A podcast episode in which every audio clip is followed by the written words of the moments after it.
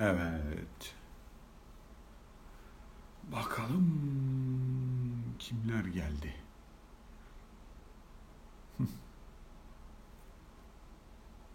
Hoş geldiniz. Hoş geldiniz.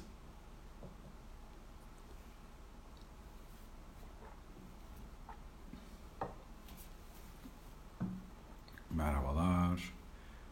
Selam. Sevinç Hanım gelmiş. Şöyle bir yüzü bulalım başlayacağız şimdi. Hmm. Hangi akşam daha iyi bilmiyorum. Cuma mı cumartesi mi ya? Siz de bir fikir beyan ederseniz hazır buradayken sevinirim. Cuma mı yapalım cumartesi mi yapalım bundan sonra? Bugünkü konumuz mutluluk. Mutlulukla ilgili konuşacağız.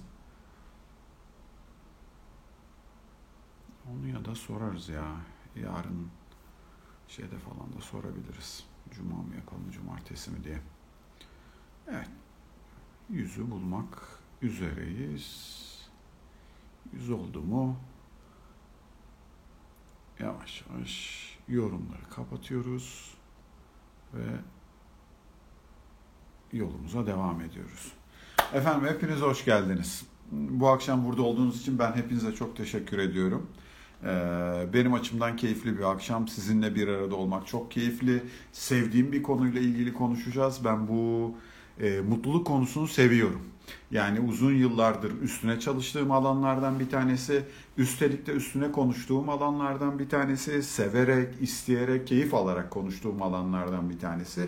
Neden önemli alanlardan bir tanesi? Biz niye mutlulukla ilgili çok konuşuyoruz derseniz, mutluluk sürdürülebilir enerjinin, sürdürülebilir motivasyonun en güçlü kaynağı. Yaşantısında mutluluk olan insanların hayatı yaşama biçimi çok farklı oluyor. Ve aynı şekilde bu hayatı farklı şekilde yaşayan insanların da mutlu olması mümkün oluyor. Yani her şey birbirinin içine girmiş durumda. Bu anlamda mutluluk önemli konulardan bir tanesi ve benim mutlulukla ilgili ne bilmek istersiniz falan diye sorduğum zaman gelen cevaplara bakıyorum. Herkesin de temel dert alanlarından bir tanesi. Şimdi temel dert alanlarından biri olunca neyin üstüne konuştuğumuzu bir anlatmakta fayda var. Öncelikle ben bu mutluluğun tanımıyla ilgili konuşmak istiyorum. Mutluluk ne demektir meselesiyle ilgili konuşmak istiyorum. Çünkü çok net değiliz o konuyla ilgili onu söyleyeyim. Yani mutlulukla ilgili bana gelen yorumların büyük bir kısmı bir şeyin üstüne konuşuyorlar, bir şeyden bahsediyorlar, bir şeyin eksikliğinden bahsediyorlar, bir rahatsızlık anlatılıyor, bir konuyla ilgili bir destek arayışı var, bir şeyi anlamaya çalışanlar var ama mutluluk diye üstüne konuştuğumuz şey o mudur, değil midir bununla ilgili bir netliğimiz yok. O yüzden bizim öncelikle bu mutluluk konusunun tanımıyla ilgili bir netleşmemiz lazım. Mutluluk insanın özünün iyi olması halidir bütün koşullarla birlikte. Yaşama rağmen değil, koşullara rağmen değil, bir kavga yok, bir itişme yok, bir kakışma yok. Hayat akacak. Hani biz onu çok söylüyoruz ya böyle her şey insanlar için. Her şey senin başına gelecek. Kontrolün altında olmayan bir sürü şey olacak ve bütün bunlara rağmen sen mutlu olmayı beceriyor olacaksın. Mutluluk dediğimiz böyle bir şey. Mutluluk bir varılan final noktası da değil. Mutluluk ulaşılacak bir durak da değil. Mutluluk yolculuğun kendisiyle ilgili bir şey. Biz durduğumuzda olan bir durum değil akıyor olacağız hayatın içerisinde. Yaşam bir şeyler getirecek, sen onlarla başa çıkacaksın. Yaşam bir şeyler koyacak ortaya, canını sıkacak, sen onları halledeceksin. Mutluluk böyle oluyor. Başka türlü mutluluktan bahsetmek mümkün değil. Öbür türlüsü koşulların tümünün yerinde olması halinde bir mutluluk hali. Ne yazık ki o bizim böyle çok da sevdiğimiz, çok da önerdiğimiz, çok da yaşayabildiğimiz bir şey değil ya mutlulukla ilgili konuşan birçok insanın en temel sorularından bir tanesi diyor ki kendimi mutlu gibi hissettiğim zaman diyor mutluluk böyle geldiğinde kendimi mutlu gibi hissettiğim zaman birazdan bir şey olacak bir yerde bir şey kaybedeceğim bir problem çıkacak başımıza bir şey gelecek duygusunu yaşıyorum diyor. Şimdi bu duyguya niye geliyor diye baktığınız zaman yani Hamcım niye böyle bir şey yaşıyorsunuz ya? Neden başınızda böyle bir dert var? Siz niye bir şey normal bir şekilde yaşamıyorsunuz da başınıza bir şey geliyor duygusunu yaşıyorsunuz diye baktığınız zaman temel mesele şurada. Sen eğer mutluluğu yaşamda her şeyin iyi olması koşuluna bağlarsan, yani işte öyle olsun, para şöyle olsun, mevki böyle olsun, ortam böyle olsun, bunlar da böyle olsun, öbürü de öyle olsun. İstediğim gibi aksın, istediğim gibi dursuna bağladığın zaman ne yazık ki yaşamın bu kısmında mutlu olma ihtimalimiz çok az onu söyleyeyim size. Böyle bir mutluluk hali yok. Bizim bahsettiğimiz mutluluk hali hayatın kendisiyle uyum içerisinde olma hali. Ama hayatla uyumlanma da öyle durup dururken olmuyor. Ben burada duruyorum. Hayata da az sonra uyumlanacağım. Çok isterdim ama öyle bir uyumlanma hali yok. O uyumlanma bambaşka bir şey. Bizim gerçek uyumdan bahsettiğimiz şey senin emeğinle ilgili bir şey. İnsan mutlu olmak istiyorsa yaşamın içinde bir yerlerde ilk yapması gereken şey hayata emek vermek uğruna emek vermediğiniz, uğruna uğraşmadığınız bir şeyden geriye dönüş almanız mümkün değil. Yaşam da size bunu vermiyor öyle. Öbürü şans eseri durduğum yerde ben durayım beni mutlu edin dediğiniz yer öyle bir hayat yok. Olsa keşke ben yaşardım onu. Yani elimden geleni de yapardım etrafımdakileri de yaşattırabilmek için ama öyle bir gerçek yok. Yaşam kendi bildiğini yapacak sen de onunla uyumlanmanın yolunu bulacaksın.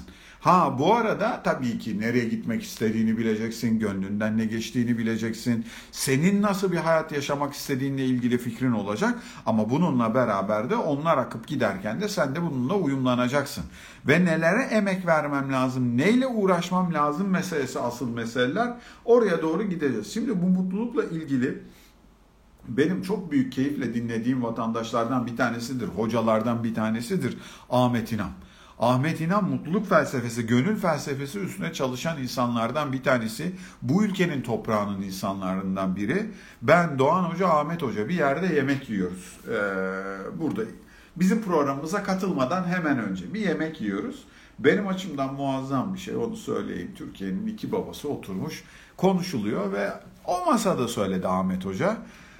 Mutsuzluk ahlaksızlıktır dedi nasıl güzel geldi var ya böyle ben seviyorum böyle büyük lafları böyle büyük lafların edildiği keskin şeylerin söylendiği masaları seviyorum mutsuzluk ahlaksızlıktır dedi durdum böyle ya çok hoşuma gitti ama ahlaksızlık da bizim terimde böyle çok rahat edilir laflardan biri değil. Başkasına söylediğin zaman insan kendini kötü hisseder yani.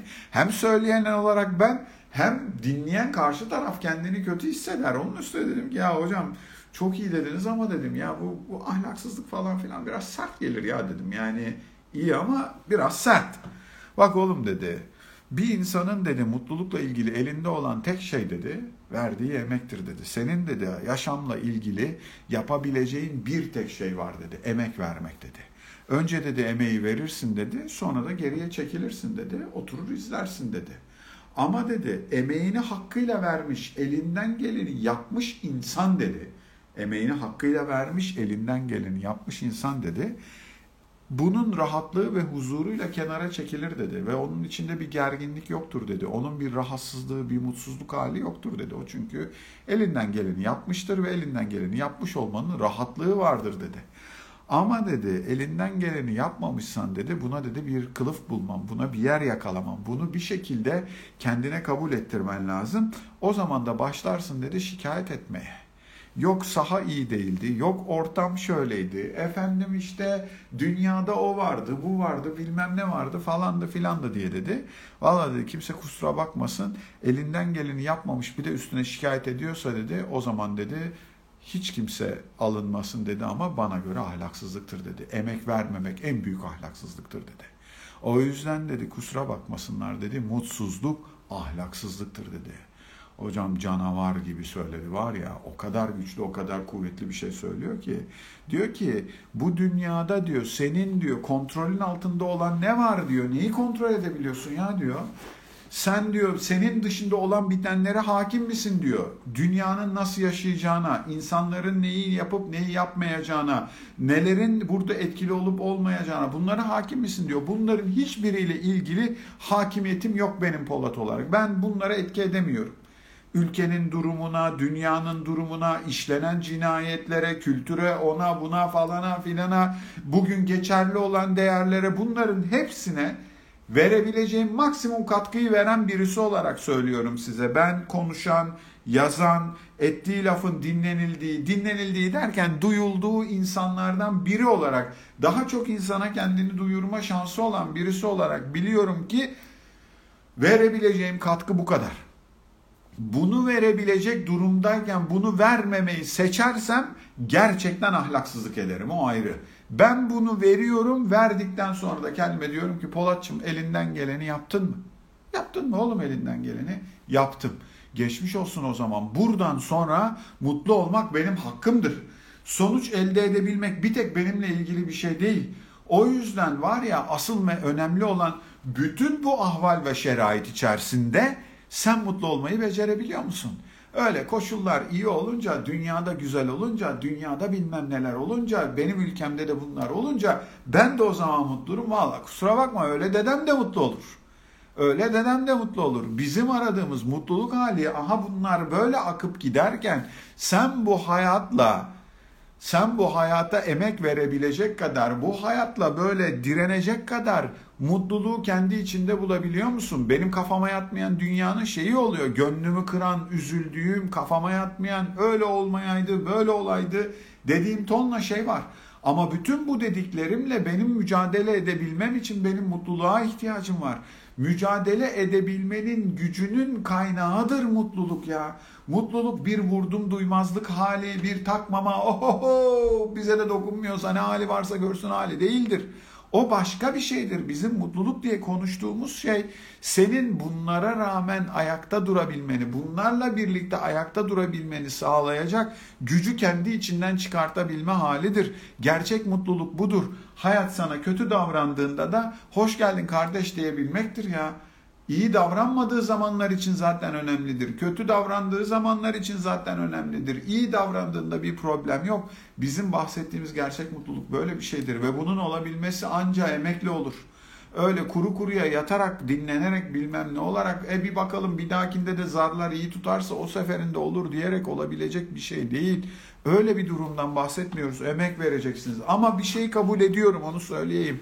Biz biz zor bir hayatın içerisindeyiz. Zamanımız az, gücümüz az, o az, bu az ve böyle bir yerde bir şeylere emek vermek insan açısından kolay değil. Ben bunu görüyorum. Benim açımdan da kolay değil, sizin açınızdan da kolay değil, hiç kimse açısından kolay değil. Hepimiz zorlanıyoruz. E peki hepimizin zorlandığı böyle bir yerde ben nasıl emek vermeliyim, ben ne yapmalıyım kısmı asıl belirleyici olan. Emek vereceğiniz alanı bileceksiniz. 3 kuruşluk gücün varsa bu 3 kuruşu nereye harcayacağını bileceksin. Hayatta neleri kafaya takmalıyım, neleri kafaya takmamalıyım kısmını bileceksin. Ben en basitinden söyleyeyim size. Yani dünya ile ilgili, yaşamla ilgili ortalıkta yürüyen bir problem varsa ve seni rahatsız ediyorsa, bununla ilgili ilgileniyorsan bu konuyla ilgili bunu etki alanıma da nasıl alabilirim diye bakmaktır asıl mesele. Ben Polat olarak bir şeyler değişsin istiyorsam bunun değişmesi için ben ne yapabilirim? Ya bizim gücümüzle bu iş olmaz. İşte kardeş sen istemiyorum ben istemiyorum ama komplo teorileri dünyanın kalanı istiyor. Böyle de kültürüm ya evet çok haklısınız. Çok teşekkürler ama ne yapalım o zaman? Ne yapalım o zaman? Yani atlayayım mı bir yerden? Olmuyor, olmayacak düşüncesiyle hepsinden birden mi vazgeçeyim ben ya? Onu kabul etmek mümkün değil. Hayır. Ben ona rağmen o durumun içerisinde ben elimden geleni yapmak durumundayım. İşte bunun üstüne çok çalışmışlar. Dünyada bugün bilim alanları birçok disiplin mutluluk üstüne çok ciddi çalışıyorlar onu söyleyeyim. Mutluluk üstüne neden çok ciddi çalışıyorlar? Mutluluk önemli alanlardan biri ve biz insanlar mutlulukla hazzı karıştırıyoruz. Haz daha kısa süreli ufak ufak parçacıkları bir araya getirerek oluşturduğumuz bir şey. Ya yani en basit anlamında herhangi bir lokantada güzel bir yemek yemek hazla ilgili bir şey. Bundan bir haz duyuyorsunuz. Kötü bir şey midir? Hayır haz iyidir. Ama yaşamınızda mutluluk yoksa ufak ufak has parçacıklarını bir araya getirip onu mutluluk sanmaya meyilli oluyoruz. Ondan bahsetmiyoruz. Asıl lezzetli olan, asıl keyifli olan bir evin içerisinde sevdiklerinle birlikte yaptığınız yemeği sohbet ederek yiyebilme halidir. Bu mutlulukla ilgili olan kısmı. Bir lokantada, lüks bir lokantada lezzetli bir yemek yeme daha hazla ilgili bir şey. Sen eğer böyle bir ev ortamı, böyle bir dost ortamı, böyle bir yaşam ortamı yaratmamışsan kendine, kiminle ne sohbet edeceğim, kiminle ne oturacağım, benim bu yaşamda şu gönlüme dokunan birileriyle paylaşabileceğim bir ortam yaratmamışsam eğer kendime, evet onu ve onun benzeri birkaç tane yemekle durumu idare etmeye çalışıyorum. İşte o zaman mesela imkansızlıklar mutluluk için engel olurlar efendim. İşte o zaman sizin dışınızda yönetemediğimiz problemler yaşamda mutlu olmakla ilgili engel olurlar efendim. Ama değilse öyle bir durumumuz yok. Biz bunu hallederiz. Bazı alanlara emek verilmesi lazım. Kim çalışmış bunu? Londra'dan bir abim çalışmış. Richard Laird diye bir amcam çalışmış bunu. London School of Economics'ten hem psikoloji hem ekonomi tabanı olan birisi. Bu insanları ne mutlu ediyor arkadaş diye oturmuş çalışmış. Çok da sıkı bir çalışma yapıyor. 40'tan fazla kültürde 30 seneden daha uzun geçmişe yönelik mutluluk endekslerini inceleyerek insan mutluluğunu neler etkiliyor sorusuna bir cevap bulmaya çalışıyor. Ve bir şey fark ediyor. Yani öyle muazzam bir şey fark ediyor ki aslında onu da söyleyeyim size. Kültürden kültüre değişmeyen, zamandan zamana değişmeyen 7 tane temel unsur buluyor. 7 temel unsur kültürden kültüre değişmiyor, zamandan zamana değişmiyor. Bunları da yayınlıyor büyük yedili diye efendim nedir bu insanın mutluluğunu etkileyen unsurlar diye. İşte burası emek vereceğiniz yer. Bir yere emek mi vermek istiyorsun? Aha yedi tane alan var. Mutlu olmak istiyorsan bu yedisinin üstünde çalış diyor. Başka bir şey yok. Çok da akla yakın şeyler ha onu da söyleyeyim. Yani Allah Allah bu mutlu ediyormuş bizi falan diyeceğimiz şeyler değil. Çok atla yatkın. İlk madde diyor ki mutlu olmak mı istiyorsun güzel kardeşim diyor. Her şeyden önce diyor sağlıklı aile ilişkilerinin olması lazım diyor. Buna itiraz edecek bir tek kişi var mı içinizde ya? Bir insanın yaşamda mutlu olması için sağlıklı aile ilişkileri lazımmış desem içinizden itiraz edecek bir tek kişi çıkar mı? Ben ne söyleyeyim size? Ben ilk okuduğumda da ilk duyduğumda da dedim çok doğru be. Birinci sırada o mu varmış dedim. Yani bir yerde olduğundan emindim de bir mi, üç mü, dört mü ondan çok emin değildim. Emindim ama bir yerde olduğundan. Hocam birincisi bu. Sağlıklı aile ilişkileri olacak. Mutlu olmak istiyorsan. Yalnız bir şey söyleyeceğim. İyi aile ilişkileri demiyor ha farkında mısınız? Sağlıklı aile ilişkileri diyor. Sağlıklı aile ilişkisi ne demektir? Sağlıklı aile ilişkisi şu demektir. İyi aile ilişkisinden farklı onu söyleyeyim. Bir şeyin iyi olması onun sağlıklı olduğu anlamına gelmez. Örnek olarak veriyorum. Ameliyat iyi bir şey midir? Ameliyat iyi bir şey değildir. Seni kesiyorlar, biçiyorlar, odur budur falan filan. Ama sağlıklı mıdır? İhtiyaç duyulduğu için yapıyor, yapılıyorsa, gerekli bir ameliyat yapılıyorsa ve ahlaklı yapılıyorsa ameliyat sağlıklı bir şeydir. Hadi bir tane de aileden, içeriden bir örnek vereyim. Boşanma iyi bir şey midir? Net söyleyeyim size boşanma iyi bir şey değildir. Çok canınız yanar. Çok çok canınız yanar. Bir ömrü birlikte geçirmeyi planlayarak evleniyorsun. Evlilik öyle bir şey. Ama sonra bir gün olmuyor ve olmadığında olmadığında ya bunu burada bırakalım demek doğru bir şey olmasına rağmen çok can yakan bir şey. Sağlıklı mıdır? Sağlıklıdır. İyi midir? Hayır efendim iyi değildir o birlikte bir geleceğe gideriz dediğin yerden burada bitirelim noktasına yapılan yolculuk iyi bir yolculuk değildir. Üzer seni. Sağlıklıyla iyi aynı şey olmayabilirler. Ha peki sağlıklı aile ilişkisi ne demektir? Sağlıklı aile ilişkisi, sağlıklı ilişki dediğiniz şeyin adı hangi ilişki olursa olsun bir tane kriteri var. İçinde bulunduğun ilişki eğer sana kendin olma imkanı veriyorsa o ilişki sağlıklı bir ilişkidir. Bu kadar. İçinde bulunduğun ilişki sana kendin olma imkanı veriyorsa, buna destek sunuyorsa o ilişki sağlıklı bir ilişkidir. Ama içinde bulunduğun ilişki seni bir şeye benzetmeye çalışıyorsa, senden bir malzeme üretmeye çalışıyorsa, seni bir şeylere benzetmeye çalışıyorsa kusura bakma sen o ilişkide aslında sen bir projede sadece ana malzemesin. Benim kafamda biri var ve ben o kafamdaki kişiyi senden yapmaya çalışıyorum. seni eğe büke, hamura çevire çevire, çevire çevire çevire çevire benim kafamdaki haline getirmeye çalışıyorum. Ana babalar bunu yapıyorlar, affedin beni. Karı kocalar bunu yapıyorlar, affedin beni.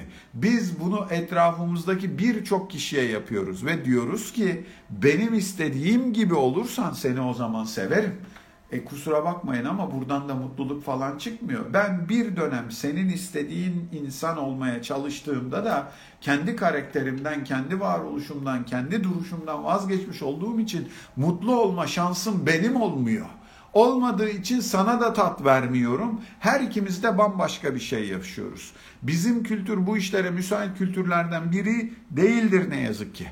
Bunun farkında olmak lazım. Biz başkalarını bizim kafamızdakile uymaları halinde seviyoruz. Sevgimiz o yüzden biçimsiz, sevgimiz o yüzden saygısız. Öyle acayip bir şey ki sevdim abicim diyor o yüzden öldürdüm. Ya ne, ne desem boş biliyor musun? Böyle bir durumda ne desem boş. Sen sevmeyi bilmiyorsun. O yüzden mutlu olamıyorsun. O yüzden de birini mutlu edemiyorsun. Bu en üst noktası ama bir şey söyleyeceğim. Bu geldiği son nokta Türkiye'deki bütün kadın cinayetlerinin altında saygısız seven birileri var. Sevdiğini olduğu gibi sevmek yerine benim kafamdakine benzeterek sevmeye çalışan birileri var. Ama bunun daha küçük örneklerini de kendi evimizin içerisinde kendi çoluğumuza çocuğumuza yapıyoruz. Yapmayın. Buradan mutluluk falan filan çıkmaz. Mutluluğun ilk şartı bu. Ben bu yapının içerisinde kendim olabildiğimi hissedebilmek istiyorum ya. Ben Polat olarak burada yaşayabildiğimi, Polat olarak burada var olabildiğimi hissetmek istiyorum. İlki bu. Sağlıklı aile ilişkileriniz olacak. Lazım bize. Sağlıklı ilişkiler lazım. Kültür tam tersine olmasına rağmen. Ben ben bu ülkenin çok yerini gezmiş birisiyim. Televizyon programları yaptım. En derininden köylerine, oralarına, buralarına kadar gitmiş birisiyim. Hocam biz burada zayıfız. Haberiniz olsun. Burası geliştirilmesi gereken yer. Bizim ailelerimizde sürekli küslükleri var ya. Belli bir dönem ailenin belli bir kısmı ailenin kalan kısmına küser hocam. Bir ailenin içinde bu niye yapılır ya? Genel merkezden haber geliyor. Bak bir sonraki emre kadar teyzenlere küsüz diye. Ondan sonra bir daha emir geliyor. Teyzenlerle barıştık, birleştik, dayınlara bilmem ne diye. Karikatürize ediyorum biliyorsunuz ama bu, bu, bu, bu kültürde var. E buradan mutlu olmak biraz zor. İstiyorum ya ben iyi aile ilişkileri istiyorum. Bundan kaçınmak için insanlar ne yapmaya başladılar biliyor musunuz? Bu gerginliği yaşadıkları için küçültmeye başladılar yaşamlarını az aile bireyiyle ilişki, az insanla ilişki, az ortamla ilişki. Bu şekilde ilişki yönetmeyerek mutlu olmaya çalışıyoruz. Bir şey söyleyeyim size çalışmaz sistem olarak. Onun da sonu yalnızlık. Birincisi bu sağlıklı aile ilişkileri. İkincisi hocam bu imkansızlıklar, bu parasızlıklar, bu hayatın içinde nasıl mutlu olunur? Valla bir şey söyleyeceğim. Araştırmalar öyle demiyor. Araştırmalar diyor ki son 30-40 yılın içerisinde diyor gelirimiz %400 arttı diyor. Üstelik de bu gelir artışını yani satın alma gücüyle orantılayarak ortaya koyuyorlar. Yani biz 100 dolar alırken 400 dolar kazanmaya başladık değil. Bir araba satın alabilir durumdayken 4 araba satın alabilir duruma geldik diyor. İnsanların geliri 4 kat artmış efendim. Alım gücüyle orantılamalarına rağmen. Evet pahalılık oluyor, oluyor, bu oluyor ama hala biz eskisinden daha iyi durumdayız. Daha çok para var cebimizde.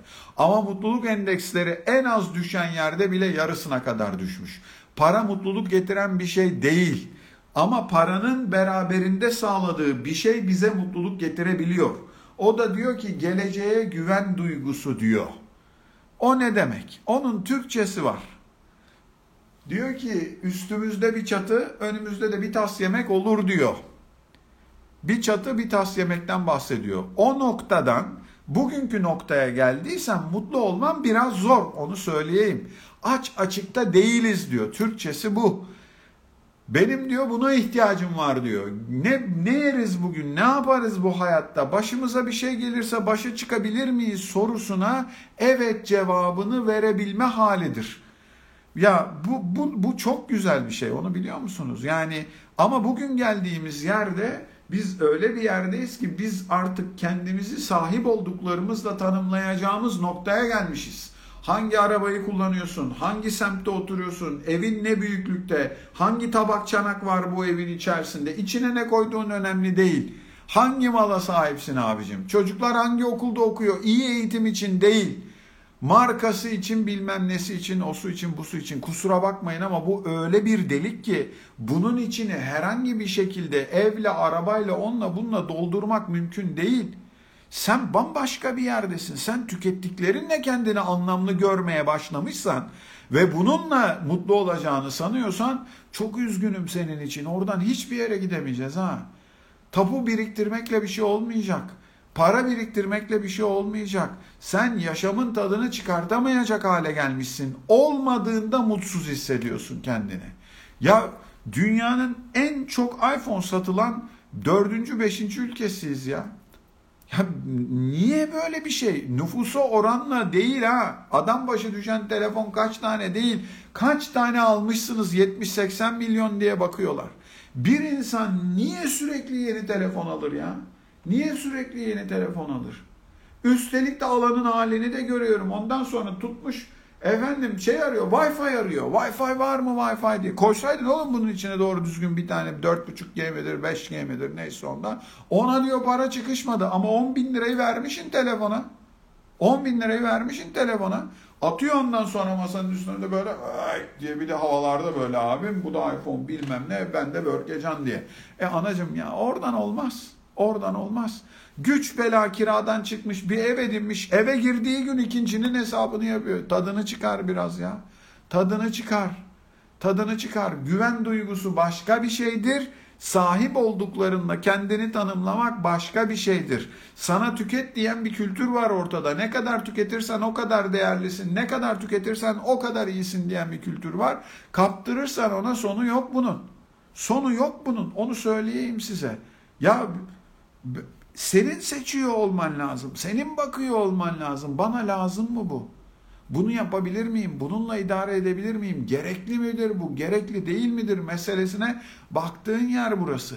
Parayı nereye harcıyorsun? O, ancak o zaman senin için yeterli olur ya. Ya ben köylerden bir tanesine gittim. Ballıkaya diye bir köye gittim.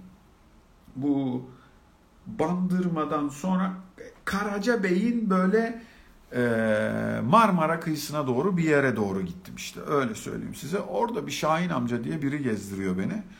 Köy de çok güzel bir köy. Kasım ayının sonuna doğru gittim. Dalında domates var yani nefis, verim yüksek. Böyle bir lagun var yakınlarında. Ee, ve orada böyle bir mikro iklim oluşmuş. Biraz geride Karacabey'de kar yağıyordu. Buraya geldik hafif bir yağmur atıştırıyor falan yumuşacık böyle. Zeytin var, narenciye var. İşte dolanıyoruz bir sürü şey var. Domates, domates. Şahin amca da gezdiriyor beni. Amcam dedim ya ne güzel köyünüz var. Sağ ol oğlum dedi. 70 yaşında Şahin amca çakı gibi. Avcılıkla falan uğraşıyor. Hayat nasıl gidiyor abi dedim. İyi gidiyor dedi, iyi gidiyor dedi. Buralar iyidir dedi. Ne yapıyorsunuz abi dedim. Vallahi oğlum dedi. Ya bak dedi. Aha dedi bu gördüğün tarladan bu sene dedi 6-7 bin lira bir para kazandım dedi. 6-7 bin TL. O kadar. Aha dedi bu gördüğün dedi ahırda da dedi iki tane ineğim var dedi. Şuradaki depoda da dedi 8-10 çuval mısır, uğday, fıvır zıvır var dedi. Bir 100 kiloya yakında zeytinyağım var dedi. Oğlum be dedi seneye kadar Allah kerim dedi. Şimdi size bir şey söyleyeyim. Şahin amca müthiş bir hayat yaşıyor. Ama Şahin amca kafaya yatırdığı için müthiş bir hayat yaşıyor. Ben tüm isteğime rağmen Şahin amcanın yaptığını yapabilir miyim diye düşünüyorum. 6-7 bin lira bir senelik gelir ama yetecek kadar iyi kötü bir yiyecek falan filan olsun ortalıkta. Polat doğru buna eyvallah çekebilir mi diye düşündüm ben söyleyeyim size. Bir şey söyleyeyim. Ben de hatlar karışmış. Ben zorlanırım onu söyleyeyim size. Zorlanırım. Yetmiyor yani gözüme baktım böyle az göründü biliyor musun? Yazık sana Polat ama az göründü. E ama o zaman ne yapacaksın ki? O zaman yürütemezsin. Asıl mesele sana neyin geldiğiyle ilgili değil. Geleni nasıl değerlendirdiğin ve nasıl harcadığın kısmıyla. Geleceğe güven duygusu başka bir şeydir. Daha mutlu olmak mı istiyorsun? Başıma bir şey gelirse bana iyi bakarlar dediğin arkadaşların olsun. Sana destek olacağından emin olduğun insanlar olsun hayatında. Muhtaç ol diye söylemiyorum ama başıma bir şey gelirse yardım ederler duygusu olsun diye. Başka bir boyutu işini anlamlı bul diyor. Mutlu olmak mı istiyorsun diyor. Anlamlı bulduğun bir şey yap diyor. Şimdi bu soruya şöyle cevapla. E hocam biz diyor ev hanımıyız biz ne yapalım? Vallahi bir şey söyleyeceğim. İşinizin ne olduğu ile ilgili bir problem yok ve sen anlamlı bul diyor. Başkaları seni beğensinler diye yap demiyor. Yaptığın şeyi başkalarının beğenip beğenmemesi demiyor. Sen yaptığın şeye anlam yükleyeceksin diyor. Vale misin? Araba mı park ediyorsun? Öyle bir kafayla yaparsın ki bambaşka bir şey olur. Bazen yemek yemeye gittiğim yerde bir garson görüyorum. Olun diyorum işte bak garsonluk böyle yapılır. Bu arkadaş ruhunu veriyor o işi yaparken. Öyle bir tad alıyor ki yaptığı şeyden. Öyle bir inanmış ki yaptığı şeyin ne olduğuna. Onun garson olmasıyla bir üniversitede profesör olmasının ya da bir bilimsel araştırma yapmasının bence aralarında hiçbir farkı yok. O inanıyor. O kendi yaptığı şeyden memnun ve ona bir ona bir tat koymuş ya kendisi gibi yapabilmenin yolunu bulmuş. Bence asıl önemli olan bu.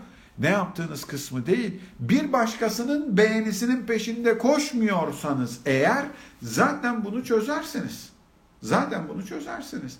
Bir insanın kendi yaptığı işi anlamlı bulabilmesinin en önemli koşulu da elinden geleni yapmış olmasıdır. Ya ben Polat olarak bugün burada bu konuşmayı yapıyorum. Ve net söyleyeyim size Bugün bu konuşmayı benim iyi yapıp yapmadığımla ilgili siz fikir sahibi olabilirsiniz. Hoşunuza gidebilir, gitmeyebilir. Hoşunuza giderse çok sevinirim o ayrı ama günün sonunda Polat'ın puanlamasını yapan benim. Ben diyeceğim ki bir yerde kendime oğlum iyiydin ha bu akşam. Güzel yaptın ha. Valla ben beğendim seni diyeceğim kendime. Ya da diyeceğim ki eksik yaptın be oğlum. Önden hazırlanmamıştın, düzenli hazırlık yapmamıştın, bilmem ne etmemiştin, öyle etmemiştin, böyle etmemiştin. Onu da diyebilirim. Ve bunun sonunda da ben size borçlu olurum onu söyleyeyim. Bak bugün seni o anda 240 kişi izliyordu. Bunun dışında 6-7 bin kişinin izlenmesi söz konusu oluyor bu yaptığım videolarda. Efendim 6-7 bin kişi kusura bakma sana zaman ayırdılar ama sen zamanın hakkını vermedin. Size ne söyleyeyim? Yaptığınız şeyi hakkıyla yapıp yapmadığınızı bir tek kişi biliyor. Sadece. Sadece bir tek kişi biliyor. O da sizsiniz. O yüzden de vicdanınızla baş başasanız buyurun siz bilirsiniz ya. Yaptığı şeye anlam yüklemeye niyetli olan insanın önünde durabilecek bir şey yok. Ben her ne yapıyorsam onun hakkını vermek için uğraşıyorum. Ana babalık mı yapıyorum? Hakkını vereyim. Çalışan mıyım? Hakkını vereyim. Konuşma mı yapıyorum? Hakkını vereyim. Net söyleyeyim. Geçen fotoğraflarını paylaştım. Bahçemde, bahçede değil ya balkonun bir köşesinde bilmem kaç tane saksının içerisinde domatesti, efendim salatalıktı, efendim biberdi bir şeyler bir, bir şeyler yetiştirmeye çalışıyorum. Kaç sayfa okudum biliyor musunuz bu konuyla ilgili? Neden okuyorsun? Ya arkadaş bir şey yapmaya niyetlenmişim ve girişmişim. Ve bu da bir canlı. Yani şu kadarcıktılar, bu kadar oldular. Ve onlara bile o verdiğim emeği hakkıyla vermek için öğrenmeye çalışıyorum. Asıl önemli olan ne yaptığın kısmı değil. Sorsan bana ne yapıyorsun? Saksanın içinde domates yetiştiriyorum. Çok güzel. Bunun için mi okuyorsun? Evet bunun için okuyorum. Neden? Çünkü onun da hakkını vermek lazım. Hakkını veren insanın yaptığı şeyin hakkını veren insanın bir mutluluk hali var. Benim evime temizliğe gelen bir arkadaş var. Ben yüzünde görüyorum ya. Yani evi temizlerken onun yüzünde bunu yapmak için emek verdiği sırada güzel yapmak için uğraştığını görüyorum. Belli bir standardı var. Kendi yaptığı işten memnun olmuyor. Ya diyor bilmem nerenin balkonunu bilmem neresini bilmem ne yapıyordum da bugün diyor. Bilmem ne yaptılar da dışarıda bilmem ne oldu da onu yapamadım onu haftaya halledeceğim diyor. Şimdi ben ben ben o durumun farkında bile değilim ya.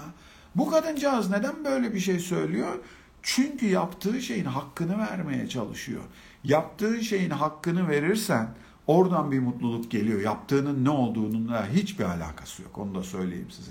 O yüzden bunun böyle üstü, altı, değerlisi, değersizi falanı filanı yok. Ama bir tane problem var. Sen yaptığın şeyi seni beğensinler diye yapıyorsan o zaman o zaman dilencilik yapmaya başlıyorsun. Beğenin beni diyorsun. Beni beğenin lütfen. Siz beğenin diye yapıyorum. E beğenin siz de bir zahmet. E ama yani oradan bir yere gidemeyiz. O, oradan mutluluk olmaz. O zaman senin mutluluğun seninle ilgili değil, senin dışındakilerin sana yönelik değerlendirmesiyle ilgili olur. Oradan bir yere gidilmiyor onu söyleyeyim size. Zor bir yerdir orası. Başka bir boyutu bak üç tane boyut saydım mutluluk için. Dedim ki bir iyi aile ilişkileri lazım bize. İki dedim ki ya geleceğe güven duygusu lazım. Ben kalırız bir hayatta aç açıkta kalmayız diyebileceğim bir yer olsun dedim. Ya bir kültür düşün ki bu, bu cümleyi üretmiş. Aç açıkta kalmayız diye bir cümle üretmiş. Bu kültüre çok yatkın bir şeyden bahsediyorum.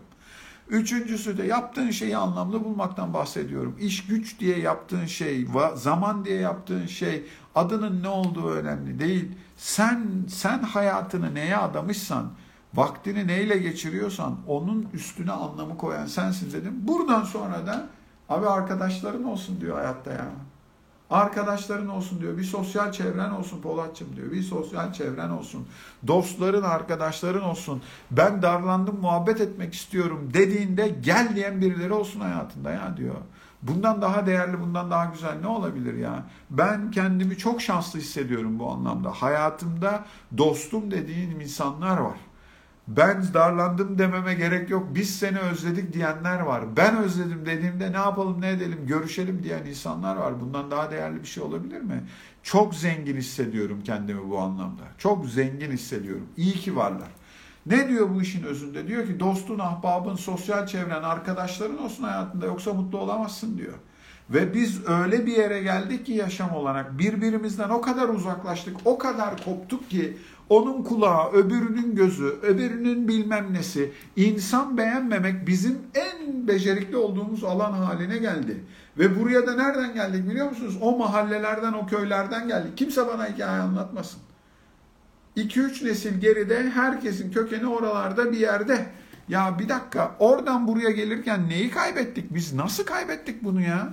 Ben niye bunu kaybettim? Kısmı çok önemli. Ben onu söyleyeyim size. Ya hocam diyor eskiden böyle miydi diyor. Yani ya diyor biz diyor eskiden diyor böyle insanlarla diyor iç içe yan yana mahallede sanki ben Lordlar Kamerası'ndan geldim. Biz de oradan geliyoruz. Biz de oradan geliyoruz. Ama yaşam öyle bir yere geldi ki o mahalle dediğimiz yerde ben bütün çocukluğum için konuşuyorum size. Böyle 100 metrelik bir yerde büyüdüm ben yani bu ucundan öbür ucuna 100 metre ve bu 100 metrenin içinde 20 tane ev var. Bu 20 evin 20'sini de tanırım. Ve bu 20 tane evin içerisinde ben ve o 20 evin bütün çocukları dilediğimiz herhangi bir yerde yemek yiyebiliriz ya. Giderdik böyle Ayşe teyze biz geldik diye. Kadın bakar anam bunlar gelmiş diye. Başlar ondan sonra ekmek üstüne salça.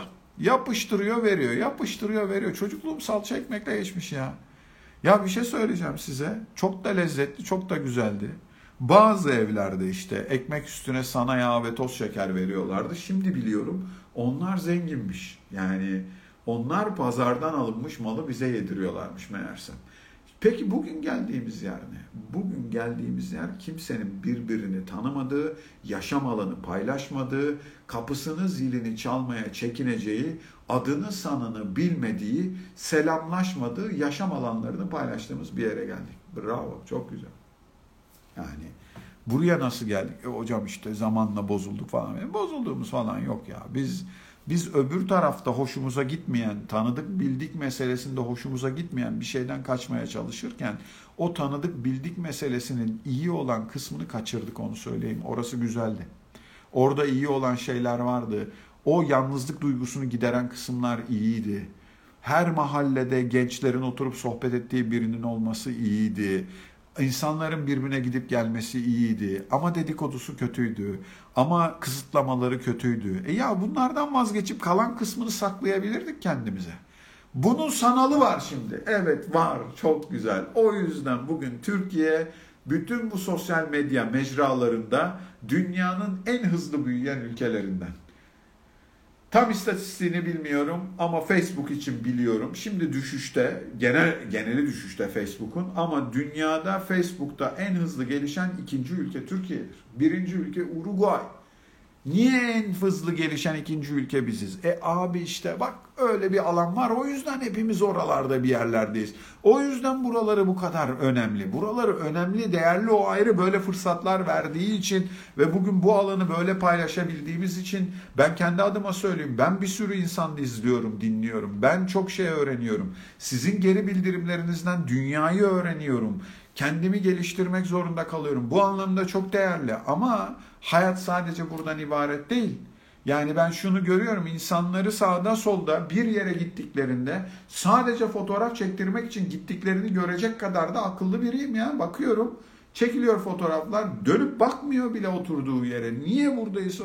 Ya bırak gözünü seveyim ya. Bırak bir tane yerden de bir tane fotoğraf da olmayı versin ya. Olmayı versin. Olmasın.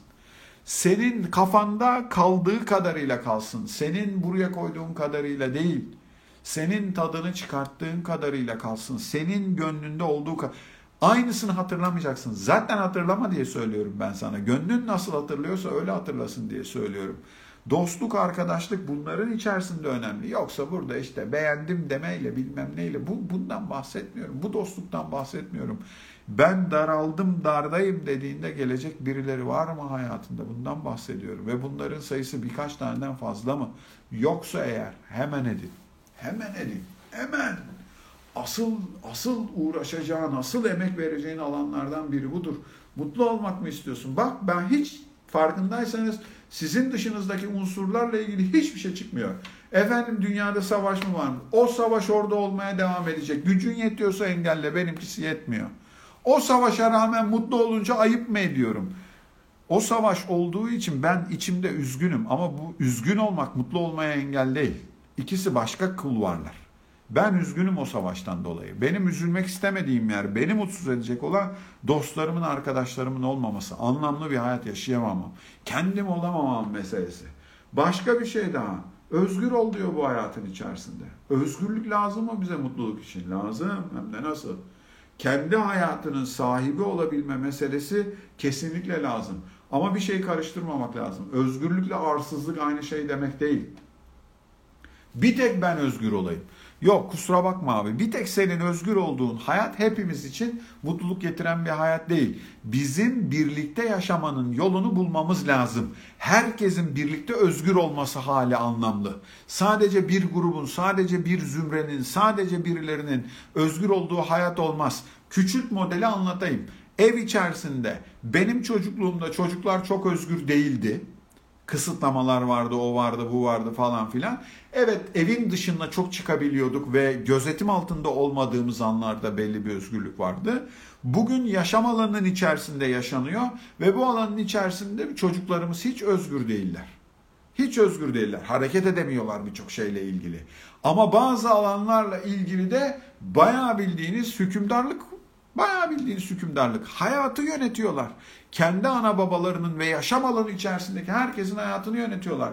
Arkadaşla buluşacağız. Abi dedim şudur budur falan filan şu saat falan. Çocuk dedi uyanırsa görüşürüz. Abi ben çocukla görüşmeyeceğim ki ben seninle görüşeceğim. Yani kusura bakmayın bu hayatın içerisinde yetişkinler de var çocuklar da var.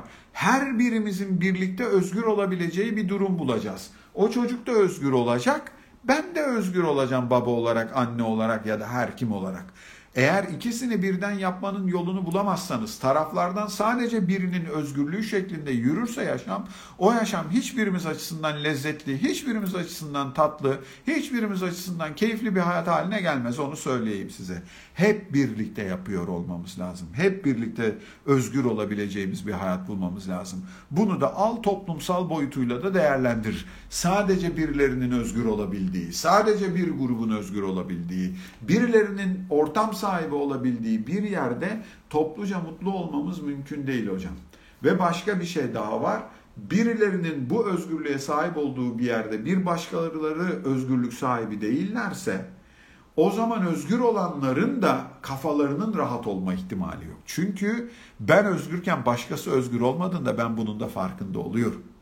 O yüzden de o da bir başka türlü gerginlik getiriyor. Bunun da farkında olmak lazım.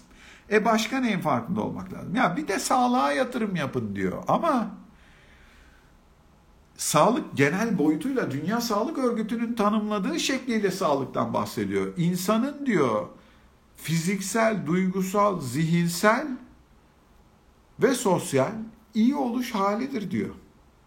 Yani sadece fiziksel iyi olmaktan bahsetmiyor. Kanlar damarda güzel aksınlar, kalp iyi atsın, işte kolesterolüm yerinde olsun ben de mutlu ol. Ondan bahsetmiyor. Diyor ki sosyal olarak da diyor sağlıklı ol diyor. Fiziksel olarak olduğu kadar psikolojik olarak da sağlıklı ol diyor. Akıl olarak da sağlıklı ol diyor. Bunların hepsi bir arada olursa diyor gerçek sağlıktan bahsederiz diyor. Ve zaten bu ilk sayılan maddeler yerine gelmeyince bu psikosomatik rahatsızlıklar çok yaygınlaştı. Her şey stresten falan dediğimiz yerinde geldiği yer burası. Sonuncusu, mutlu olmak mı istiyorsun? Hayatını yöneten değerlerin olsun diyor. Bu yaşam mı diyor, değerler yönetsin senin için diyor. Hayatını yöneten değerler olsun. Yani ne yaparım ben böyle bir durumda sorusuna cevap veren değerlerin olsun diyor. O ne demek biliyor musun? Yani biz bazen seminerlerde olmaz ama eğitimlerde falan oluyor. Bir parça ekmeği koyuyorum ve diyorum ki buyurun. Uygulama bu. Ekmeğin üstüne kim basar? Size bir şey söyleyeyim mi? Kimse basmıyor. Bu ülkede kimse ekmeğe basmaz. Parasını vereyim. Gene kimse basmaz. Niye basmıyorlar? Basmamalarının sebebi şu. Atadan dededen görmüşüz. Bu kutsal. Buna basamayız. Buna buralarda bir yerde hiç kimsenin basmasını sağlayamayız. Bu bizim paylaştığımız değerlerden biri. Bu ve bunun gibi ezbere bildiğin, senin için pusula olan 4-5 tane değerinin olması lazım yaşantında. Ben neyi yapmam, neyi yaparım sorusuna cevap verdiğin yerlerin olması lazım. Ancak bu cevaplar geldiği yerde biz insan olarak önümüze bakabiliyoruz.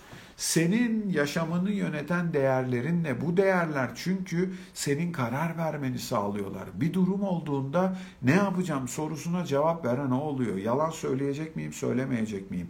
Birinin hakkını gasp edecek miyim, etmeyecek miyim? Birine herhangi bir şekilde zarar vermeyi göze alacak mıyım, almayacak mıyım? Bunun kararını verdiren yer senin değerler listen oluyor. Senin değerler listenin en tepesinde insana saygı varsa, hakkaniyet varsa birine fiziksel zarar verebilmem mümkün değildir hocam. Mümkün değildir. Ama senin değerler listenin en tepesinde kendi menfaatin varsa o zaman ya ben benim kendimi mutlu etmek için başkalarının hayatından çalmama, başkalarından bir şeyi almama bir sakınca yok diyebileceğin yere gelirsin. Hatta hatta El alem ne der senin için değerse başkalarının görmediği bir yerde her şeyi yapabilme hakkını kendinde görebilirsin. Asıl mesele nerede biliyor musun? Senin değerlerinle davranışların uyum içerisindeyse yani akşam yatağa gittiğinde kafanı yastığa ferah bir şekilde koyabiliyorsan bugün ben kendime uymayan bir davranış sergilemedim. Bugün yaptığım her şeye kefilim diyebiliyorsan eğer o zaman mutlu olabiliyorsun. O zaman mutlu olur. Ama bunun için o değerlerin ne olduğunu farkında olman lazım. Bunun için o değerlere yatırım yapıyor olman lazım. Bunun için yeri geldiğinde o değerler için bedel ödüyor olman lazım. Öyle yok hayat. Hayat zorluyor seni. Hayat zorluyor seni. Sen hiç kimsenin görmediği bir yerde tamah etmiyorsan, başkaları bakarken bir şeyi oradan alıp cebine koymamak o da bir şeydir. Ama asıl mesele hiç kimse görmezken de bunu almama meselesidir. Eğer hakkaniyet senin için bir değerse. Bir başkasının kağıdına bakmamaktır o zaman. E ne olacak o yapmış bir satırda ben buradan işlemişim. Allah bilmiyorum abi o senin bileceğin bir şeydir. Engelli park yerine arabayı koymamaktır. Sıranı bilirsin. Ya sırayı bilmemem mümkün mü ya? Yani binde bir eyvallah tamam görmedin fark etmedin. Yani benim senden önce burada olduğumu farkında değil misin ya? Ne, ne, ne yaptın? Niye yaptın bunu ya? Bunu niye yaptın? 3 dakikalık bir kuyruk önüne geçebilmek için yaptı. Al senin olsun benim umurumda değil. Gerçekten umurumda değil yani. Buysa umurumda değil. Ama beni salağa sayma ya. Beni salak yerine koyma. Bana de ki ben senden önce ödemek istiyorum. Al senin olsun be. Vallahi hakikaten çok büyük keyifle yani bunu yeter ki böyle söyle bana. Beni kandırmadan, etmeden de ki bana ben senden sonra değil senden önce ödemek istiyorum. Paşam senin olsun. Hiç problem değil. Hiç. Ama beni salak yerine saydığı zaman o başka bir yerde bir problem yaratıyor. Mesele buralarda. Ha nereye varmaya çalışıyorum? Yedi tane madde saydık. Dedik ki ya hayat böyle bir şey. Bu yaşamın içerisinde emek vererek ancak mutlu olunuyor dedik. Bak sevgide emek var, mutlulukta emek var, kendin olmakta emek var. Her yerde, her konunun bir yerinde emek var. Uğraşmadan olmuyor ya. Şuradan ter akmadan, buradan ter akmadan bu iş olmuyor. Olmuyor. Hangisinden bahsediyorum? Mutluluk için. Sağlıklı aile ilişkileri uğraşacaksın. İki, efendim geleceğe güven duygusu uğraşacaksın. Senin için yaşamda ne lazım ne değil meselesinin farkında olacaksın. Bak evlere kapandık bir sürü şeye ihtiyacımız yok. Benim arabam bin kilometre yapmadı dört aydır ya. Arabam olsa ne olur olmasa ne olur noktasındaydım. 3 depo toplam harcadığı mazotun tümü 4 küsür ayın içerisinde toplam tümü bu kadar. Üstelik de biri de iş için bir yere gittim. Orada yedim yani. E, ne lazım bize ne değile baktığın zaman anlıyorsun. Bak şimdi bunu öğrendiğimiz bir dönemdeyiz. Bundan başka ne var? Efendim yaptığın şeyi anlamlı bulacaksın. Ev hanımıysan onu anlamlı bulacaksın. Bilmem ne şirketinin sahibiysen onu anlamlı bulacaksın. Bilmem nerede bilmem ne yapıyorsan onu anlamlı bulacaksın. Sen anlamlı bulacaksın. Başkaları beğensin diye değil sen istediğin için yapıyor olacaksın. Bunun arkasından dost, ahbap, arkadaş çok lazım bize. Aman ha kaçırma. Lazım. Yaşam yoksa boşa gidiyor. Bunun peşinden özgürlük lazım. Hep birlikte özgür olmanın yolunu bulacağız. Sağlık lazım. Bir de yaşamı yöneten değerler lazım. Ne yönetiyor senin yaşamını? Öyle kuru kuruya olmaz bu işler. Bunlara emek vermiş birisiyse o zaman önemli sorulardan birini de cevaplama şansımız oluyor. Bakın hayatı yöneten bensem eğer bu hayat benim emeğim sayesinde mutlu olduğum bir yerdeyse benim kafamın bir yerinde bu mutluluk giderse diye bir kaygı olmaz. Gidebilir. Ben yaptım bir daha yaparım diyebileceğim yerde olurum. Gidebilir tabii ki canım. Hayat dönüyor, o oynuyor, bu oynuyor, bilmem ne oluyor, mutsuz olabilirim. Ama ben gene sağlarım dediğim yerde olur. Ama yok koşulların yerine gelmesinden dolayı mutluysam. Yani şuradan şu, buradan bu, buradan bu bir anda böyle denk geldiler böyle. Gezegenler sıraya dizildi ve ben çok mutlu hissediyorum kendimi. Eğer böyle bir mutluluk halinden bahsediyorsanız o zaman içinizde kaygı olur. Yaşadığınız mutluluğun kontrolü sizde olmadığı için ya giderse duygusunu net bir şekilde yaşarsınız. Hayır hocam bu hayat benim hayatım. Benim hayatım ve ben bunun emeğini verir. Orada mutluluğu da yakalarım. Beni dinlediğiniz için hepinize çok teşekkür ediyorum. İyi ki varsınız. Bu akşam burada olduğunuz için hepinize çok teşekkürler. Görüşmek dileğiyle haftaya.